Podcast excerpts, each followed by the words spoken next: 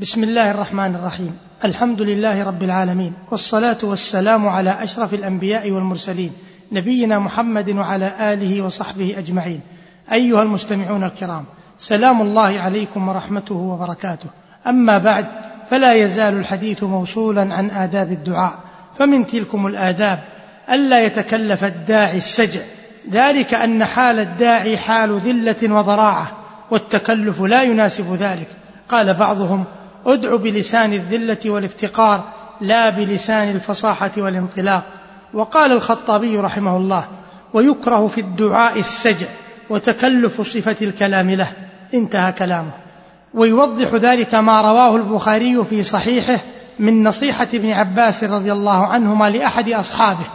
ومما قال فيها فانظر السجع من الدعاء فاجتنبه. فإني عهدت رسول الله صلى الله عليه وسلم وأصحابه لا يفعلون إلا ذلك الاجتناب والسجع هو الكلام المقفى بدون وزن والمنهي عنه من السجع هو التكلف فيه لأنه ينافي الخشوع والخضوع كما مر. أما إذا جاء السجع على اللسان سليقة وفطرة ومطاوعة بلا تكلف فلا بأس بذلك لكثرة الأدعية المسجوعة من الكتاب والسنة ومن آداب الدعاء. الإعراب بلا تكلف فالإعراب عماد الكلام وجماله ووشيه فيحسن بالعبد وهو يناجي ربه أن يعرب عما يقول قدر المستطاع خصوصا إذا كان إماما يدعو والناس يؤمنون خلفه على ألا يصل ذلك إلى حد التكلف وألا يجعل همته مصروفة إلى تقويم لسانه لأن ذلك يذهب الخشوع الذي هو لب الدعاء. قال شيخ الإسلام ابن تيمية رحمه الله تعالى ينبغي للداعي إذا لم تكن عادته الإعراب ألا يتكلف الإعراب. قال بعض السلف إذا جاء الإعراب ذهب الخشوع وهذا كما يكره تكلف السجع في الدعاء. فإذا وقع بغير تكلف فلا بأس فإن أصل الدعاء من القلب واللسان تابع القلب. ومن جعل همته في الدعاء تقويم لسانه أضعف توجه قلبه. ومن آداب الدعاء ألا يدعو بانتشار المعاصي. فالمعاصي من الفساد والله لا يحب الفساد بل اللائق بالداعي أن يدعو بانتشار الخير بين الناس. ومن آداب الدعاء اختيار الاسم المناسب أو الصفة المناسبة حال الدعاء كأن يقول يا رحيم ارحمني يا كريم أكرمني يا شافي أشفني رب هب لي من لدنك رحمة إنك أنت الوهاب وهكذا. ومن أداب الدعاء الا يحجر الداعي رحمة الله.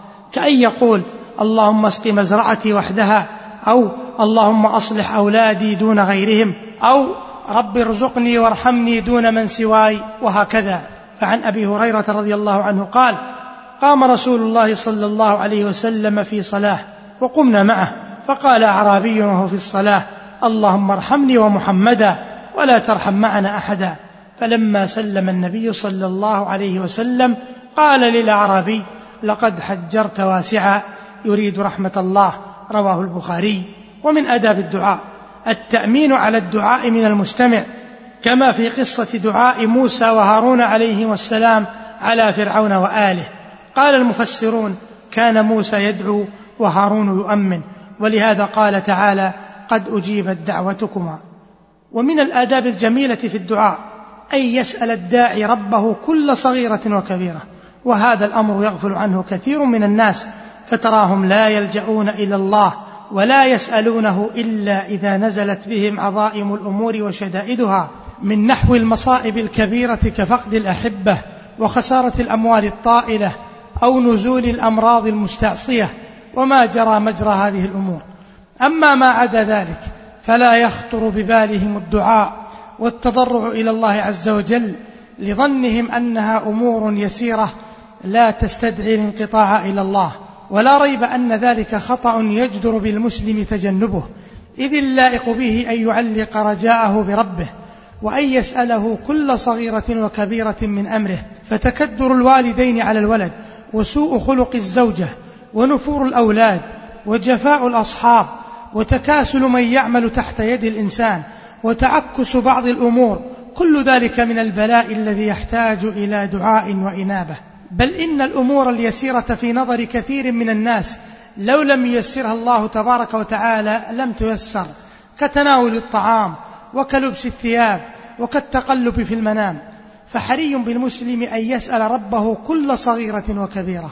ويرشد إلى ذلك قول النبي صلى الله عليه وسلم سلوا الله كل شيء حتى الشسع فإن الله لو لم ييسره لم يتيسر والحديث أخرجه ابن السني في عمل اليوم والليلة والترمذي وضعفه الألباني ولكن الحديث صحيح موقوفا من قول عائشة رضي الله عنها.